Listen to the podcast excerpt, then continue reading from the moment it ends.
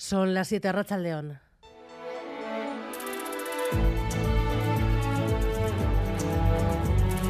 Gambara con Arancha García.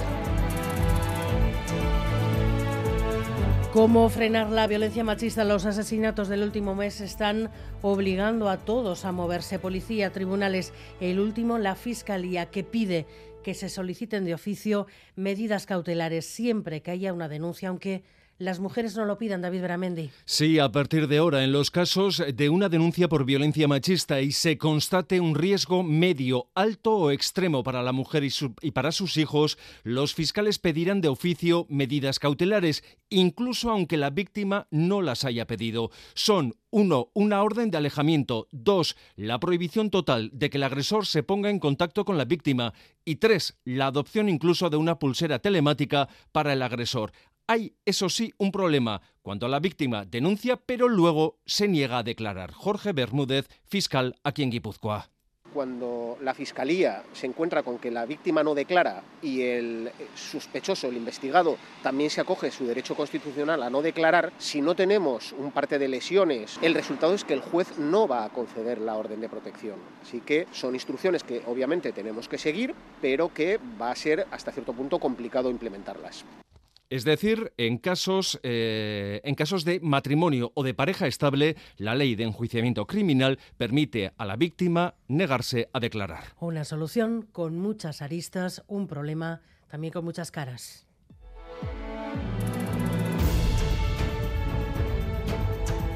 Fiscal general durante el gobierno de Rodríguez Zapatero y ahora presidente del Tribunal Constitucional. El sector progresista ha recuperado la mayoría y el candidato favorito de Moncloa, dicen, la presidencia, aunque por un solo voto Isaro Bazarraza León. A Racha León, sí, el exfiscal general del Estado, Cándido Conde Púmpido, será el nuevo presidente del Tribunal Constitucional durante los próximos tres años. La vicepresidencia recae en manos de la también progresista Inmaculada Montalbán. Tras asumir su cargo, Púmpido ha avisado, según fuentes judiciales, que la Constitución no permite la autodeterminación. El renovado Tribunal Constitucional arranca ahora un mandato en el que tendrá que hacer frente a sentencias pendientes como las de la ley del aborto o la eutanasia. Un mandato en el que el bloque progresista contará con por primera vez en una década. Y seguimos pendientes también de las derivadas del fallo del caso de Miguel, el fallo del Supremo. Ahora la incógnita es cuándo acabarán entrando en prisión los principales condenados. La ejecución de la sentencia no será inmediata, podría demorarse unas semanas. Lo que ya se ha aclarado es su situación laboral. El gobierno vasco comunicó sus despidos a de Miguel y Ochandiano ayer inmediatamente después de conocerse la sentencia del Supremo.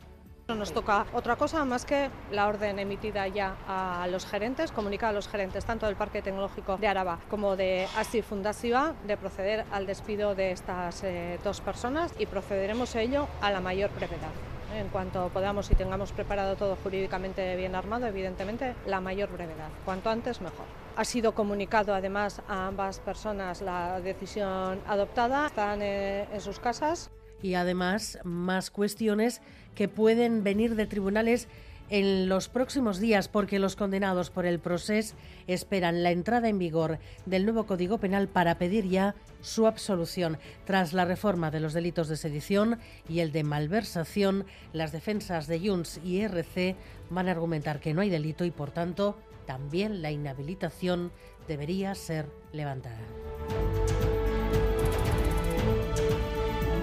Y los aeropuertos de Estados Unidos están recuperando ya la normalidad tras un fallo informático que durante horas ha afectado a miles de vuelos. De vuelos. Se han tenido que paralizar todos los despegues. Miles de viajeros se han visto con sus viajes cancelados o retrasados. El origen del problema se desconoce, pero desde la Casa Blanca se insiste en que se descarta el ciberataque a Maya Zabala. Así es, más de 6.000 vuelos se han visto afectados y han sufrido retrasos en varios puntos del país, mientras que unos 700 han sido directamente cancelados. El motivo ha sido una avería en el sistema de notificación a misiones aéreas, un sistema clave para proporcionar alertas de seguridad a los pilotos en tiempo real. El suceso ha durado algo más de tres horas y los vuelos han empezado a operar hacia las 2 del mediodía hora Euskadi.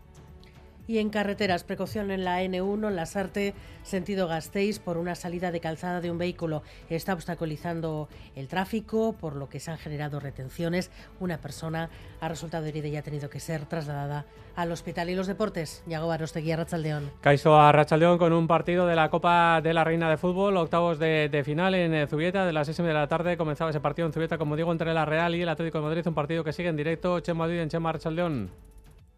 36 minutos de partido aquí en el Z7 de Zubieta y de momento el marcador es el inicial, es decir, Real Sociedad 0, Atlético Madrid 0, como decías, encuentro de octavos de final de la Copa de la Reina, partido muy entretenido, no es que se hayan producido demasiadas oportunidades, pero sí que ha habido un par de claras por parte de cada equipo y desde luego lo que sí que se verá es mucha tensión desde el comienzo del partido. Igual eh, como decíamos, en el marcador, minuto ya casi 36, Real Sociedad 0, Atlético de Madrid 0. Y buscamos también una segunda comunicación con el deporte de la canasta, con el deporte baloncesto femenino, primera ronda de la Eurocup, partido de vuelta en Polonia, Gorzo, Lointe, que comenzaba a las 6 de la tarde, lo sigue Gorka Saavedra, Gorka Racha León. A Racha León y se le complica el pase a octavos al Guernica, que llegaba a Polonia con un punto de ventaja, ya ha llegado a ir hasta 15 abajo en el marcador, ahora son 10 los puntos que tiene por detrás el equipo de Ana Montañana con 4.30 para que finalice el tercer cuarto, Gorzo 45, Guernica 35. Bueno, más deportes a las 7 y 40 minutos de la tarde.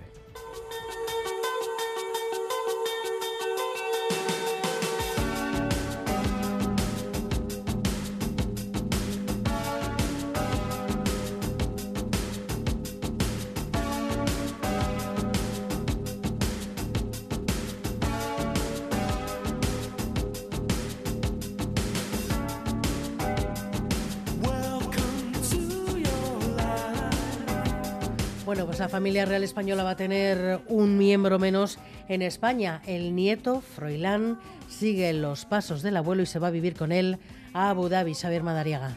Pipe lo llaman en casa. Su largo historial empezó a los seis años, con sus patadas voladoras en la boda de su tío con Leticia. Los pajes van a ser Felipe Juan Froilán. A los 14 se disparó en el pie en una cacería. La reina Doña Sofía era la primera en llegar al hospital. Cuando tenía 16 supimos que tripitió segundo de la ESO y a finales del año pasado acabó involucrado en una pelea con navajas a las puertas de una discoteca de Madrid. La policía ha abierto diligencias por un presunto delito Tirando de del hilo salió a la luz que en verano había estado en otra trifulca con tiroteo incluido en Marbella y ahora se suma la fuga de talentos de la zarzuela, a aprender en Abu Dhabi del mejor de los ejemplos que le podían dar. Suena chiste, pero ese chiste llamado Felipe Juan Froilán de Marichalar y Borbón lo pagamos todos.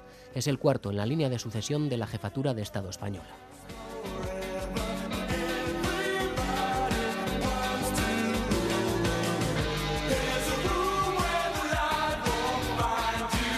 Maitane Bujedo y Alberto Zubeldia están en la dirección técnica, Cristina Vázquez en la producción.